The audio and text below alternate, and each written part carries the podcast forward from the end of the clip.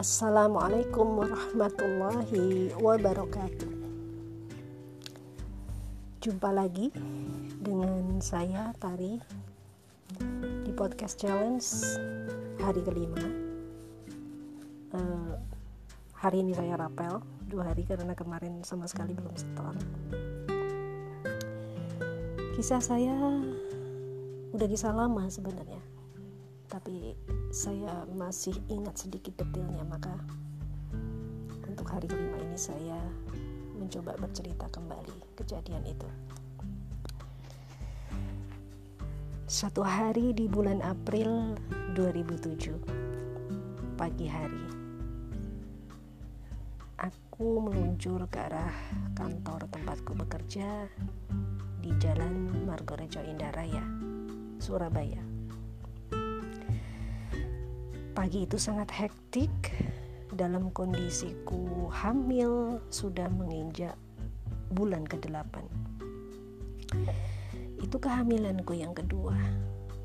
Setelah kurang lebih lima tahun sebelumnya aku sudah melahirkan kakak dari didik bayi dalam kandunganku waktu itu. Waktu itu aku baru sekitar satu bulan menghirup udara kota Surabaya. Karena memang baru saja proses mutasiku di tempatku bekerja dari kota Palembang di perusahaan yang sama. Ngobrol soal Palembang jadi kangen sama pempek asli ikan gabus asal Sungai Musi sana yang pastinya tak pernah kutemukan di kota-kota lain.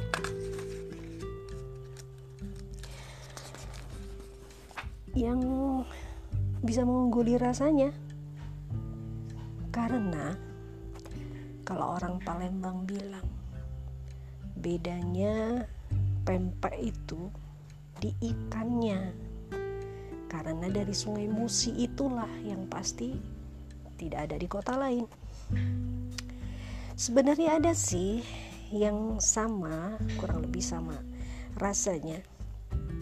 Waktu makan pempek di Lampung, di mana setelah dapat info dari pemilik kedai pempeknya, ya memang sumber pempek dia ngambil ya dari Palembang juga, yang dikirim rutin via kereta Palembang Lampung.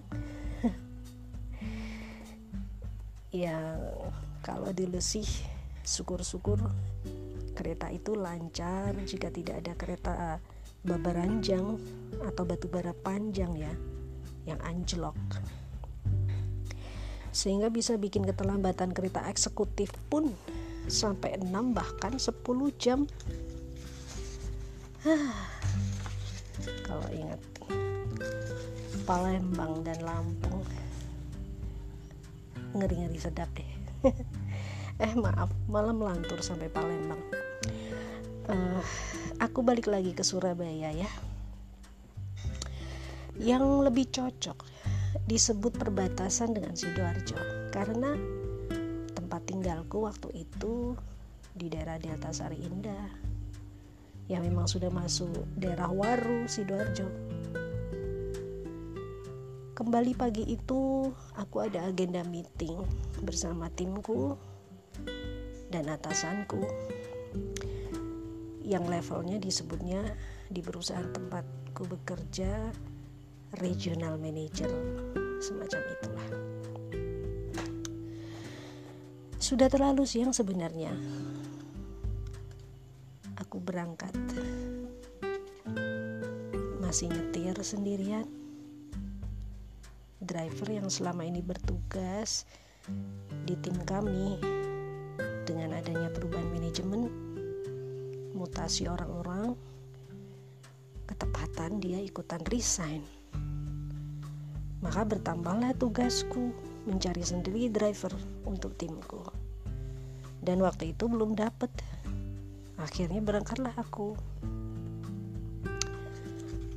Melalui yang disebut jalan dalam. Jalan dalam yang dimaksud ini adalah jalur yang sebenarnya menghindari kemacetan jalan provinsi. Maka keputusanku mengambil jalur jalur melalui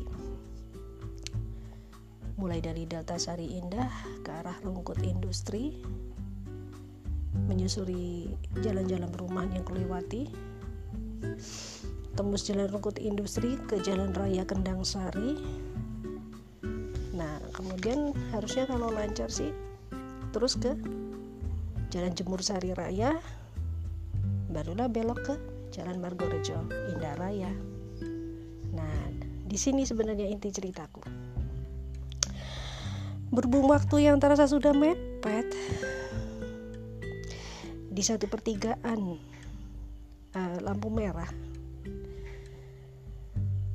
Lampu kuning yang berubah merah ku terjang saja.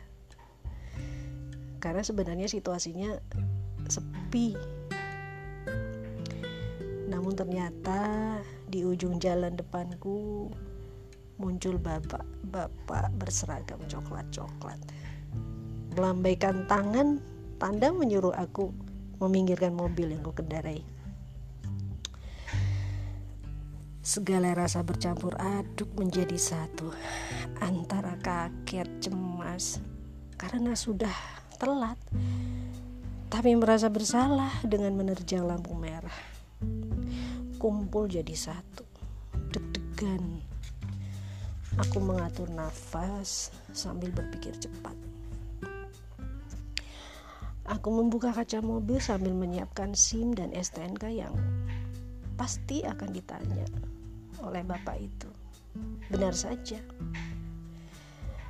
Bapak itu meminta aku menunjukkan SIM dan STNK aku. Kemudian mulai mengarah pembicaraannya pada kesalahanku uh, yang mana waktu lampu mulai menyala merah tadi entah bagaimana kata-kata meluncur begitu saja dari mulutku. Meminta maaf karena terburu-buru sudah ditunggu rapat oleh uh, oleh bos. Menjadi alasan bahwa baru menyadari lampu sudah berubah merah. Dan pastinya sambil memasang muka memelas.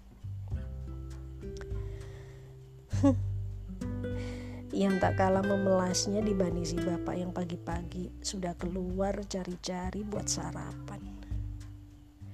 Sembari tanganku dengan cepat bergerilya meraba ke dalam tasku mencari dompet.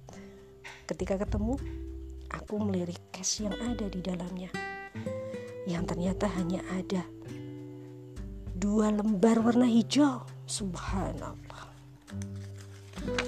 Jantungku makin berdegup kencang.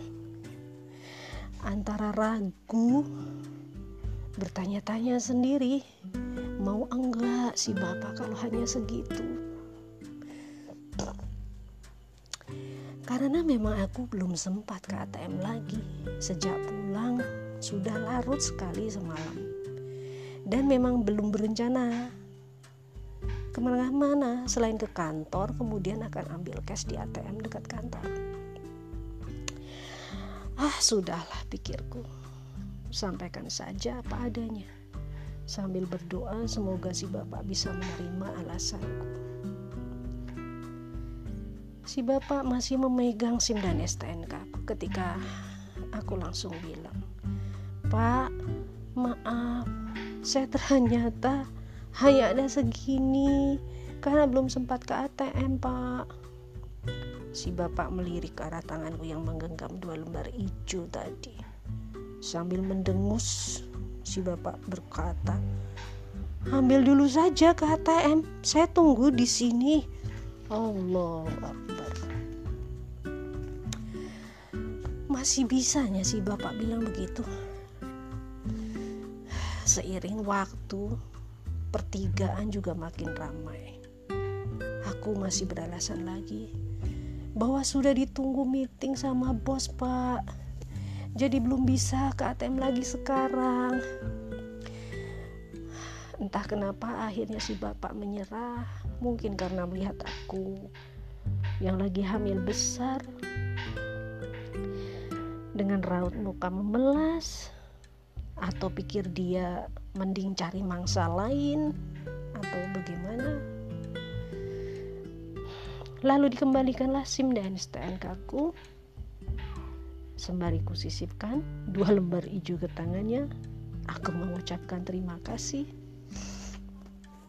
dan cepat-cepat menyalakan mesin mobil dan menginjak gas dan segera pergi dari kekacauan itu dengan menghela nafas lega. menuju arah jalan Jemur Sari Raya. Jika teringat kejadian itu, meskipun sudah lama, selalu merasa lucu dan miris.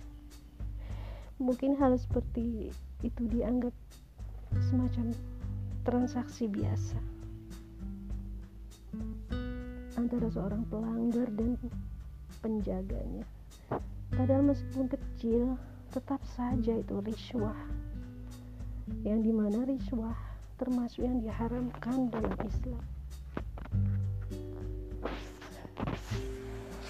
Pengertian riswah menurut kitab Lisanul Arab dan Mu'jamul Wasit yaitu pemberian yang diberikan kepada seseorang agar mendapatkan kepentingan tertentu. Sebagaimana tertuang dalam Nasy Al-Quran Quran Surat Al-Baqarah ayat 188 Dan janganlah memakan harta sebagian dari kamu dengan jalan yang batil dan janganlah kamu membawa urusan harta itu kepada hakim supaya kamu dapat memakan sebagian daripada harta benda orang lain dengan jalan berbuat dosa. Padahal kamu mengetahui hadis dari Abdullah bin Umar radhiyallahu anhu berkata Rasulullah melaknat bagi penyuap dan yang menerima suap. Hadis riwayat Al-Khamsah disolihkan oleh At-Tirmizi. Astagfirullahaladzim begitu uh, kisah saya di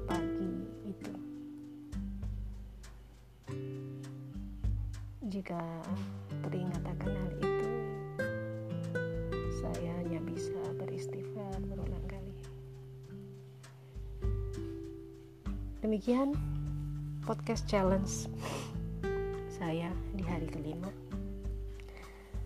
Mudah-mudahan bisa menjadi hikmah bagi sahabat semuanya. Terima kasih. Assalamualaikum warahmatullahi wabarakatuh.